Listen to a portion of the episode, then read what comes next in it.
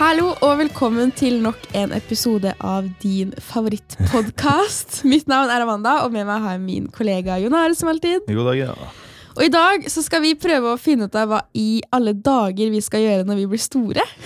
Yes, det er ikke så lett. Hva hadde du lyst til når du var liten? Hva tenkte du dette skal jeg bli når jeg blir stor? Jeg var innom veldig mye. Jeg husker på et tidspunkt så jeg hadde veldig lyst til å bli lege da jeg var sånn sju-åtte år gammel. Så jeg gikk Ja. på biblioteket og lånte meg sånn anatomibøker og sånn. Er Derfor er du blitt så nerd i dag. Jeg har alltid vært nerd. Oh, ja. eh, nei da. Og så fant jeg ut at jeg måtte drive og kanskje ta på kjønnsorgan til andre folk og sånn, så da gikk det over, da. Men eh, Du har ikke så mye imot å ta på det, du? nei, det kom tilbake. Jeg ville jo egentlig jobbe i pakkebutikk, for jeg syntes det var så gøy å pakke inn pakker. Eh, men nå leverer jeg en bachelor i barnevern om én uke. Men nå tenker jeg egentlig at jeg bare skulle satsa på den pakkebutikken istedenfor. For nå er jeg plutselig usikker på om barnevern egentlig er retningen for meg allikevel. Mm. Hvert fall, For å finne ut av dette her, så har vi med oss en karriereveileder inn i studio i dag. Velkommen til oss, Marte. Tusen hjertelig. Aller først så lurte vi på om du kunne si litt om hva en karriereveileder egentlig gjør, og hva din rolle er. Ja, jeg kan først fortelle at jeg jobber på Tunet, Elverum, hvor vi driver med blant annet karriereveiledning, som jeg jobber med. Jeg jobber i et tiltak som heter arbeidsforberedende trening.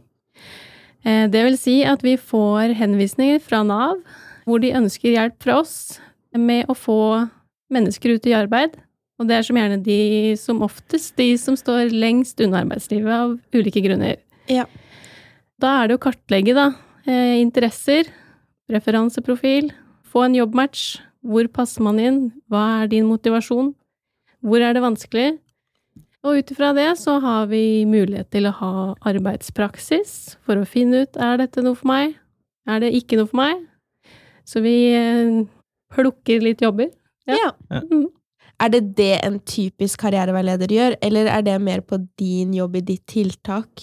Det er nok eh, litt mer i min jobb. Eh, Ja. En typisk karriereveileder er jo en som kartlegger og veileder folk eh, for å finne riktig type jobb. Ja. Det har noe med ja, motivasjonen din og hvor du passer til jobben med din personlighet. For man kan jo ha mange ulike hobbyer, for eksempel, men som man skal unngå å jobbe med, Mm. fordi det blir for mye. på hvilken måte utforsker dere og liksom klarer å få et innsyn i hvilke evner eller hva folk passer til? Da har vi et eh, verktøy som heter Inflow24. Fantastisk verktøy. Eh, Som sendes ut digitalt til kandidaten. Som de gjør alene, eller kan få hjelp av oss. Det første vi ser på da, er interesseprofilen. Ja, som i ord, ligger i ordet. Hva slags interesser har du? ikke sant? Og da får man en eh, bokstavkombinasjon. Som kan eh, for eksempel være OFU. Og det vil si at du er ordenstype, foretaksom og utforskende. Så er det da søyler som viser hvor eh, mye du har av hvert. Okay. Så ser vi den opp mot preferanseprofilen. Og preferanseprofilen, den handler jo mer om deg sjøl. Det er det man får, hvordan man foretrekker å være hvis man kan velge. Eh, om du er ekstrovert, introvert, sansende, intuitiv, tenkende, følelsesorientert, avgjørende og oppfattende. Du velger alltid en av sidene okay. ut ifra hvilken situasjon du er i, men du foretrekker alltid en Ja. hvis man velger fritt.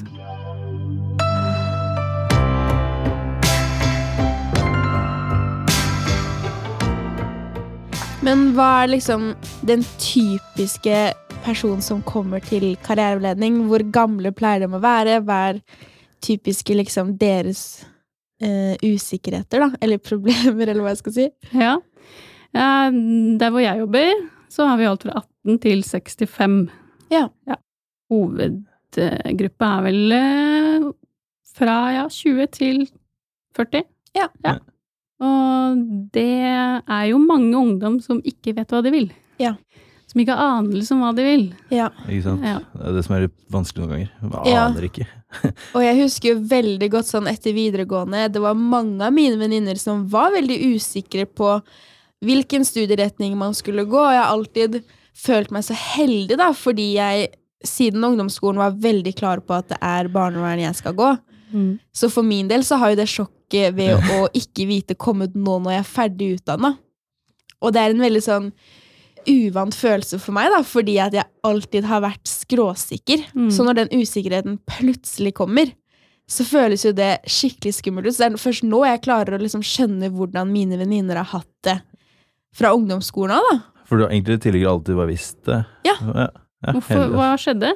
Mye bunner nok ut i at jeg er redd for at jeg ikke er god nok Mm. til en så på en måte alvorlig oppgave, da, eh, som å jobbe i barnevernet.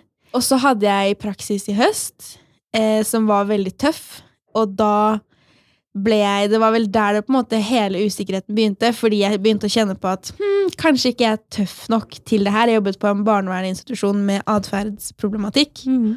Så ja, det er en kombinasjon av en tøff praksis, hvor jeg lurer på om jeg egentlig er tøff nok, eh, samtidig som en uh, usikkerhet da, i meg selv på om jeg er god nok til det eller ikke.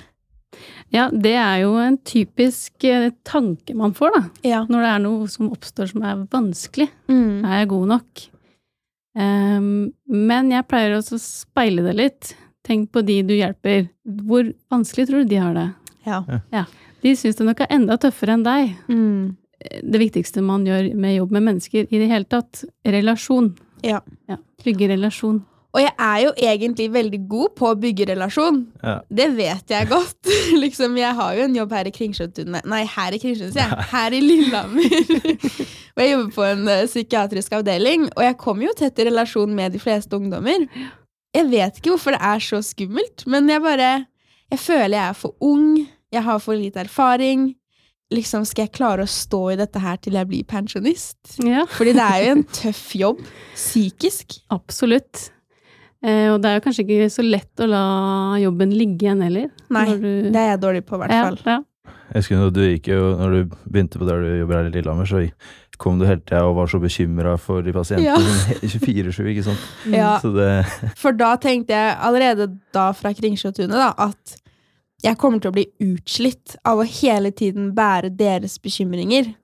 Og så kom jeg i praksis, men da var jeg mer redd for meg selv, fordi det var mye fysisk utagering, så jeg var redd for mitt eget liv, og jeg tenkte dette er ikke verdt det å skulle jobbe eh, og gå og være redd for sitt eget liv på en jobb. Nei, det vil jeg jo si at det ikke er sånn. Og så vet jeg jo at alle institusjoner er ikke sånn, Nei. og at det å jobbe i barnevernet betyr ikke at du skal gå og være redd for ditt eget liv. Men nå er det den erfaringen jeg har hatt, og da er det veldig skummelt å skulle begi seg ut på noe av det samme igjen, da. Mm. Ja, jeg har jo hatt en eh, lignende episode når jeg studerte her på Lillehammer. Jeg gikk sosialt arbeid og var også i en institusjon. Men når jeg ser tilbake på det nå, så var det liksom mer det at ja, jeg følte meg for ung til å skulle jobbe med de her ungdommene. Mm. Men igjen så syns jeg, når jeg ser tilbake på det og vurderer min egen skal jeg kalle det, praksis, Mm. Så det viktigste jeg gjorde, var jo egentlig bare å være der. Mm. Trenger ikke å gjøre så mye. Nei. Men hvis man føler at dette blir helt feil for meg, så absolutt ikke fortsett. Mm. Ja.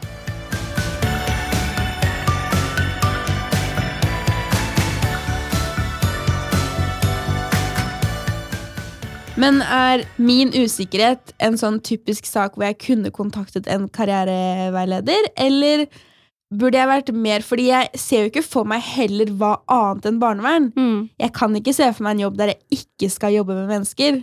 Burde man være mer usikker enn det jeg er, før man kontakter en karriereveileder, eller er det liksom veldig lavterskel?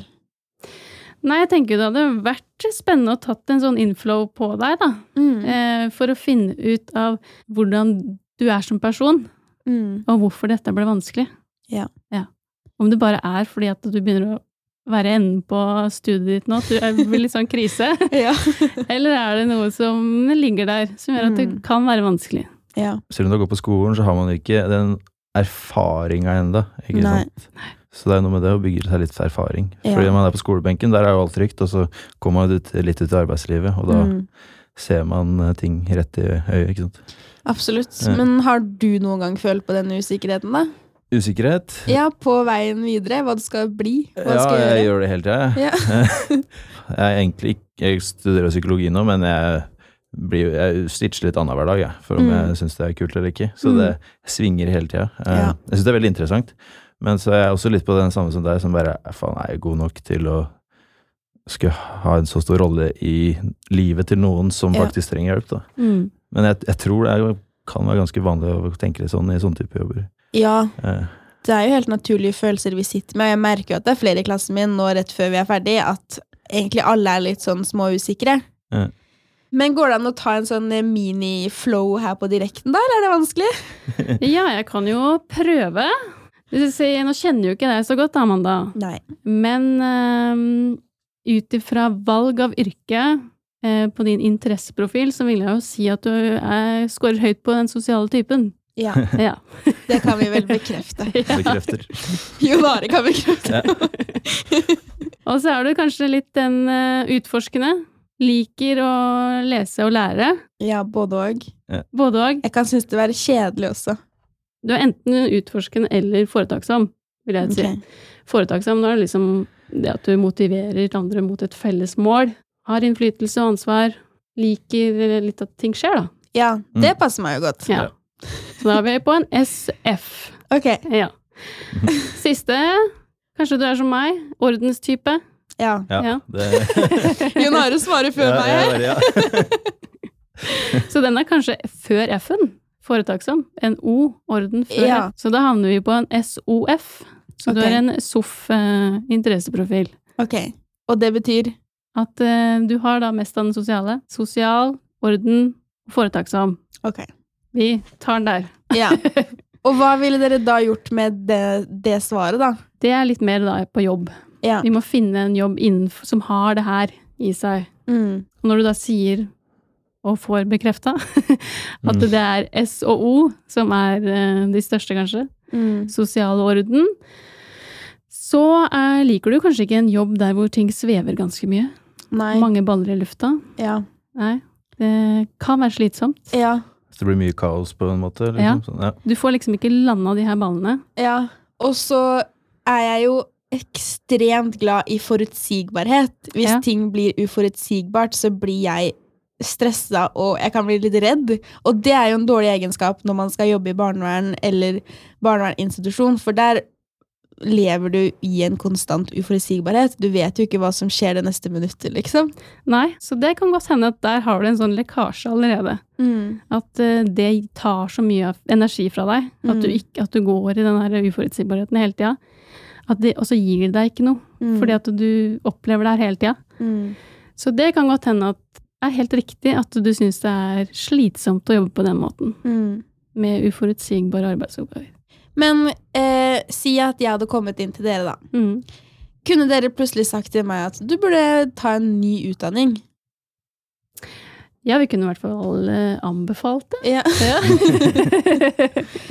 Fordi dere har vel kanskje folk som også ja, lurer på veien videre med enten etterutdanning eller veien fra videregående til eh, høyskoleutdanning, for Mm. Hvordan klarer dere å finne ut av skoleretning og ikke bare jobbretningen?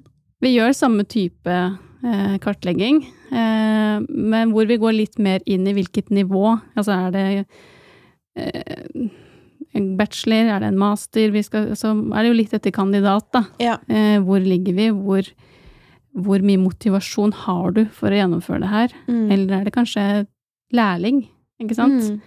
Eh, Så vi må se litt på motivasjon, og hva slags Vi er jo litt sånn viktige på realiteten nå, da. Hva slags jobber innenfor feltet er det behov for? Ja. Det er jo veldig i dag veldig hipt å skulle ta fag, eller fagbrev. Mm. Mye muligheter. Som kanskje henger litt igjen fra før av at det ikke var så kult. Ja. ja. Mm. Det er det mye behov for nå. Mm. Og en kortere vei, kanskje.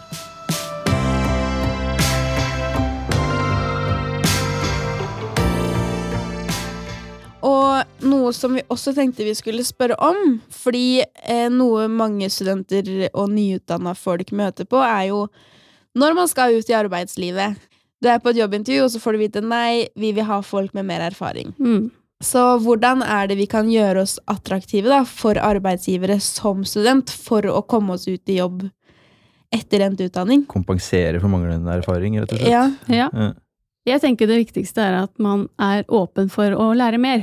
Studere mer. Eh, ta kurs. Og være ærlig på at jeg har ikke erfaring, kanskje, men jeg ønsker så innmari å jobbe med dette her. Ja. Jeg hadde jo ingen erfaring med det jeg driver med. og var på gruppeintervju, av alle ting. Ja. Min største mareritt, liksom.